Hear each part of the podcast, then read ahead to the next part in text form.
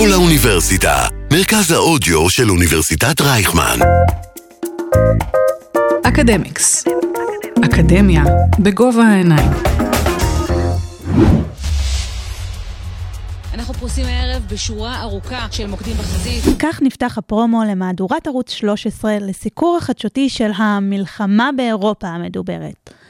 אבל מהי אותה חזית ממנה מדווחים הכתבים ממש באותו הפרומו? זה המלון שלנו שקראו לכל מי שנמצא בו להתפנות. מחפשים פה איזשהו אה, מקום לקנות בו אוכל. מאות ישראלים מחכים להגיע למעבר הגבול. הכתבים היום כבר לא מצטרפים לכוחות, אלא לנשים והילדים בגבולות, לאנשים שעומדים בתור ורוצים לקנות מעט מזון, וממש מציגים זאת כחזית. אז זה היה רגע בגבול. אוקיי. אוקיי, אני אתאפס. צריך להבין כאילו את הסיטואציה. קור כלבים, קור כלבים. כאילו, אני עם אה, גטקס ושלוש חולצות הרמיות ומעיל מיוחד וכפפות, כאילו באמת כל מה שבן אדם צריך ללבוש כדי לא לקפוא. אה, אני לא מאמינה שאני ככה. זה בסדר, זה הכי, אתה יודע.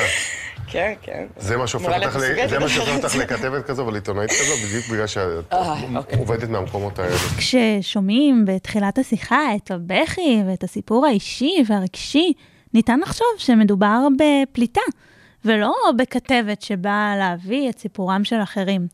אבל היא יושבת באולפן ומביאה את הסיפור האישי שלה. ומיכל פעילן לא יחידה. בערוץ המתחרה, אור הלר לא מפסיק לדווח על איגור, הצלם שהתלווה לו ונולד באודסה ומצלם את המדינה שלו לשעבר נכבשת בידי הרוסים, או מסרב להתפנות מאוקראינה עד שהמלחמה תיגמר, כאילו היה חלק מהסיפור ולא האמצעי להעביר אותו. אז האם הדיווח על מספרים, תהליכים ועובדות פינה לחלוטין את מקומו לרגש? וגם, מה תפקידו של העיתונאי במלחמה שמסוכרת גם בלעדיו? האזינו לחלק השני של השיחה שקיימתי עם דוקטור ארגה עתד, חוקרת של שכנוע והעברת מסרים. כשחושבים מה מלחמה אומרת, בדרך כלל נחשוב על טנקים, מטוסים, חיילים, שדה קרב, הרס.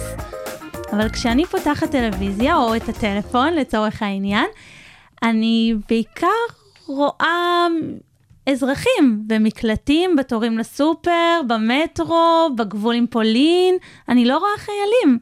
לחלוטין. אה, זאת המלחמה החדשה? לגמרי. העורף? לגמרי, לגמרי, לגמרי, אה, את לחלוטין צודקת. אנחנו רואים באמת אה, שינויים מאוד משמעותיים, גם בעשורים האחרונים, וודאי במלחמה הזו שמצטיירת כמלחמה הראשונה הכי מתועדת בהיסטוריה, מצד אחד, אמרנו, מצד שני יש לנו גם, כאמור, את פרדוקס המידע, מצד אחד הכי מתועדת, מצד שני עם הערפל קרב הכי גדול, אה, וחלק מזה באמת נובע אה, כתוצאה משינויים גם פיזיים וגם טכנולוגיים. העובדה שמצד אחד זאת מלחמת טיק טוק. הכל עולה מיד לרשת. לטיק בצד אחד. בצד אחד, בדיוק, במעמד חד צדדי. בטיק טוק, באינסטגרם, בטוויטר, הכל, לינקדאין אפילו, הכל עולה מאוד מהר מצד אחד. מצד שני, כדאי לשים לב שהמלחמה הזו מתקיימת לא בשדה הקרב. שדה הקרב שלנו, יש איזשהו היפוך מיקומים, נקרא לזה ככה. שדה הקרב שלנו הפך להיות מרכזי הערים. מרכזי הערים הם המקומות שמהם משדרים עכשיו את הלחימה. אין לנו כבר יותר עיתונאים שנלווים לכוחות.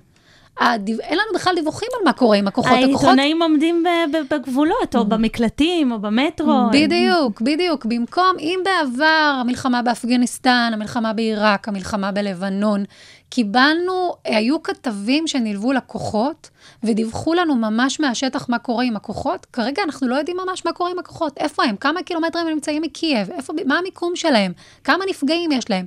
התחרות הזאת על הנפגעים, שבקרב הכוחות, אולי משנה את הפנים שלה לתחרות על נפגעים בקרב האזרחים. וההעתקה הזו של הסיקור משדה הקרב, איפה שמתנהלת המערכה בין החיילים, להעתקת שדה הקרב למרכזי הערים או לגבולות של המדינות, משנה גם את השחקנים שנכנסים לנו לתוך הפריים. והשחקנים האלה כוללים אזרחים, נשים, ילדים. אני חושבת שבמלחמה הנוכחית, ואולי גם ראינו את זה במלחמות קודמות, בסוגים אחרים, מה שנכנס מאוד חזק לסיקור עכשיו זה גם בעלי חיים. מהמם. יש דגש מאוד חזק, אה, תמונות, סרטונים, על uh, בעלי חיים שבעצם נותרו מאחור, כלבים, חתולים, הנטישה שלהם, בעל כורחם של הבעלים שלהם. אולי ב... אה, בוא נאמר בתקופות אחרות של ההיסטוריה, מה שנכנס אולי יותר לפריים זה הסוסים, והיום זה הכלבים והחתולים. אה, וממחקרים אחרים אנחנו יודעים, ואני מניחה שכולנו ערים לזה, שסרטון של חתולים ברשת תמיד מעורר הרבה מאוד אמוציות, הופך להיות ויראלי, אני מניחה שכולנו זוכרים במהלך הקורונה את אחד הסרטונים הכי מפורסמים של הדיון בבית, של, של הדיון בזום, שהתנהל בין עורך דין נכון. לבין שופט. של אה, אותו, אה, של אותו עורך דין שבעצם... אה, לא הצליח לו להסיר את פילטר החתול. בדיוק. לא הצליח להסיר את הפילטר של החתול מעל הפנים שלו, וסרטונים של חתולים תמיד מעוררים בנו ככה איזה סוג של בריחה מהמציאות, סוג של הומניות מאוד מאוד גדולה, והם תמיד ויראליים, ודאי בימי שגרה. ועכשיו, באופן מאוד מעניין, אנחנו רואים באופן מפתיע שבעלי חיים, בוודאי גם חתולים, רואים ככה תמונות של חיילים מחבקים חתולים ובעלי חיים, גם ככה הופכים להיות מאוד מאוד ויראליים ומעוררים את ההומניות ואת הרגש המאוד מאוד גדול שכל המלחמה הזו מעוררת. אבל עם כל הכבוד לרגש, אה, אנחנו לא רוצים עובדות? זה, מאסנו בדיווחים אמיתיים? אה, אז מסתבר ש, שיכול להיות שה, שהעובדות מק, מפנות את מקומם אה, לטובת רגשות. וגם כשאנחנו מדברים על עובדות, אנחנו מדברים על עובדות אפשר להגיד שנכונות לשעתן, או. אמת שנכונה לשעתה, אמת רגעית. זאת אומרת, העובדה הזו שאנחנו חיים בעידן שבו יש פרדוקס מידע מאוד גדול, שמצד אחד יש לנו הרבה מאוד רגשות והרבה מאוד ידע וסרטונים ותמונות, זה הופך את כל העובדות אולי לקצת פחות חשובות. ומה שמעניין אותנו זה מה שאנחנו יודעים כרגע. כי אם חושבים על זה ברמה האסטרטגית הרחבה, אנחנו הרי בלאו הכי לא ממש מקבלים תמונה רחבה, לא ממש מקבלים תמונה אסטרטגית כוללת. אם אנחנו לא מקבלים תמונה אסטרטגית כוללת רחבה, כל מה שנשאר לנו זה האמת שנכונה לשעתה. העובדות, נכון לשעתן, כרגע לפחות אנחנו מתקשים לראות אותן בהיקף רחב יותר. אמרת קודם שזאת מלחמה שמתנהלת בפייסבוק ובטיקטוק. מה תפקידם של הכתבים באמצע, באמצעי התקשורת המסורתיים בעידן שבו המלחמה מתנהלת בלעדיהם? אז אפשר באמת לראות שהתפקיד של עיתונאים גם קיבל uh, שינוי מאוד משמעותי, גם במלחמה הזו וגם במלחמות קודמות. אנחנו יכולים לראות שלצד השחקנים החדשים שככה נכנסים לנו לתוך הסיקור, בין, זה, בין אם זה אזרחים, ילדים, נשים, ואולי, ואולי גם בעלי החיים, גם עיתונאים בעצמם הופכים להיות הסיפור. הם הופכים להיות חלק מהסיפור במובן הזה שאם בעבר עיתונאים, תפקידם, או בעיקר מה שראינו אותם עושים על המסך זה מדווחים, עיתונאים הופכים להיות, הם בעצמם, הדיווח העיתונאי עצמם, מוקד הסיפור. אה, במקרה של ישראל, אני חושבת שראינו את המקרה של, ה, של הירי לעבר העיתונאים בארץ, הביקורת גם שעלתה אה, כלפי כך שמראיינים את בני משפחותיהם של העיתונאים שנמצאים כרגע באוקראינה, בטענה שהם לא אמורים להיות הסיפור, אלא אמורים לדווח על הסיפור, וגם אה, ככה עיתונאים, עיתונאית אה, אוקראינית נוספת, שבזמן שידור שלה אה, ב-BBC, ראתה מול העיניים פגיעה בבית שלה בקייב, בזמן שהיא בשידור מדווחת, והיא ככה מסתכלת והיא אומרת, זה הבית שלי. ברגע זה אני מדווחת על מה שקורה והבית שלי ספג פגיעה. אז באמת יש ככה איזשהו שינוי בתפקיד של העיתונאים, ומעניין אה, ככה לעקוב אחרי זה. גם הם נכנעים ל... זאת אומרת, אם, אם רוצים לראות רגש, אז הם אה, מספקים את הסחורה. הם נותנים רגש. לחלוטין, אני חושבת, שבסופו של דבר אה, התקשורת בנויה על רייטינג, ואין, זה אולי קצת ככה פרדוקסלי להגיד את זה, או מצער להגיד את זה, אבל מלחמה בסופו של דבר מושכת רייטינג. זה הרבה מאוד שעות שידור, הרבה מאוד שעות באוויר. אה, וצריך למשוך את הקהל, וצריך ליצור רייטינג, ומלחמה אה, זה עסק אה, עם הרבה מאוד רייטינג. אני רוצה עם, המשפט הזה לחזור דווקא לישראל. לא מזמן הרשות השנייה אה, לטלוויזיה ורדיו, אני חושבת שזה השם המלא של הרשות השנייה, אה, הגבילה את זמן שידור המהדורות בישראל. זה בכלל אה, משהו שאפשר לעשות בעידן שבו אנחנו צורכים בטיקטוק ובפייסבוק ובתקשורת? יש... זה אפקטיבי? שאלה טובה. Uh, זו אכן שאלה עד כמה באמת אפשר לצמצם את החדשות, בהתחשב בכך שהחדשות מתחילות משלוש בצהריים, שלושים, ארבעים, חמישים, ששים, שבעים, ככה שהגענו לשמונאים, כשכבר צרכנו חדשות בערך ברצף משלוש בצהריים בצורה ממושכת רק בטלוויזיה, זה עוד לפני שאר המידע. הפושים, כל דבר, תוך עשר שניות יוצא פוש. בדיוק, זה מלבד הפושים שמגיעים אלינו מכל אפיק אפשרי בערך, מאפליקציות של החדשות, מטיקטוק או כל דבר אחר.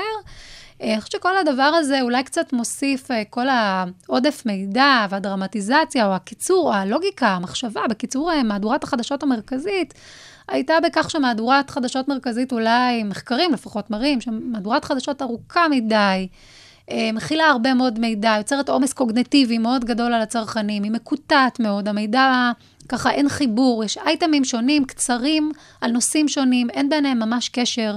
דרמטיזציה מאוד גדולה של, אה, של האייטמים השונים. שוב, כי אנחנו בסופו של דבר צריכים לשמור על, אה, על הקהל שלנו קשוב, והדרך לעשות את זה היא כנראה באמצעות הדרמה שמייצרים, אבל יחד עם זאת, באורחים מאוד גדולים ובאייטמים שמאוד קטועים ושונים אחד מהשני, יצא שכרנו בהפסדנו, ולכן אה, המחשבה, מבחינת הצופים לפחות, היה שיהיה טוב אם המהדורה שהם מקבלים תהיה קצרה יותר. וזה עבד? אה, אנחנו נראה את זה, אני מניחה, בתגובות לזה בהמשך, שאפשר יהיה למדוד את זה. אמ, אני מניחה ש, שבהחלט נכון וטוב לקצר את מהדורת החדשות, אבל שוב, כדאי לשים את הדברים האלה באמת בקונטקסט הנכון, כי זאת רק מהדורה אחת, ובסופו של דבר אנחנו מוצפים ומוקפים בחדשות לאורך כל שעות היממה. אז כן, ככה... כן, כיוונתי, האם אנחנו באמת צורכים פחות חדשות? האם החדשות הן באמת פחות דרמטיות, או שזה משהו סימבולי? אה? לא ממש, לא ממש, לא ממש. זאת אומרת, באמת אנחנו כל כך מוצפים ומוקפים במידע, שאורך המהדורה הוא כנראה... אולי נועד להקל על מי שצופה ספציפית במהדורה המסוימת, אבל אה, לא ממש משנה את העובדה שאנחנו חיים בסביבה שהיא עתירת מידע וידע. וגם איזה מידע זה משהו שחשוב לשים אה, לב אליו. אה, ואנחנו ממש נדבר על זה בחלק הבא של השיחה שלנו. אה, לא כל המידע שעובר אה, הוא נכון. אז דוקטור הרגעתה, את נשארת איתי, ואתם, מאזינים ומאזינות, מוזמנים לשמוע גם את המשך השיחה.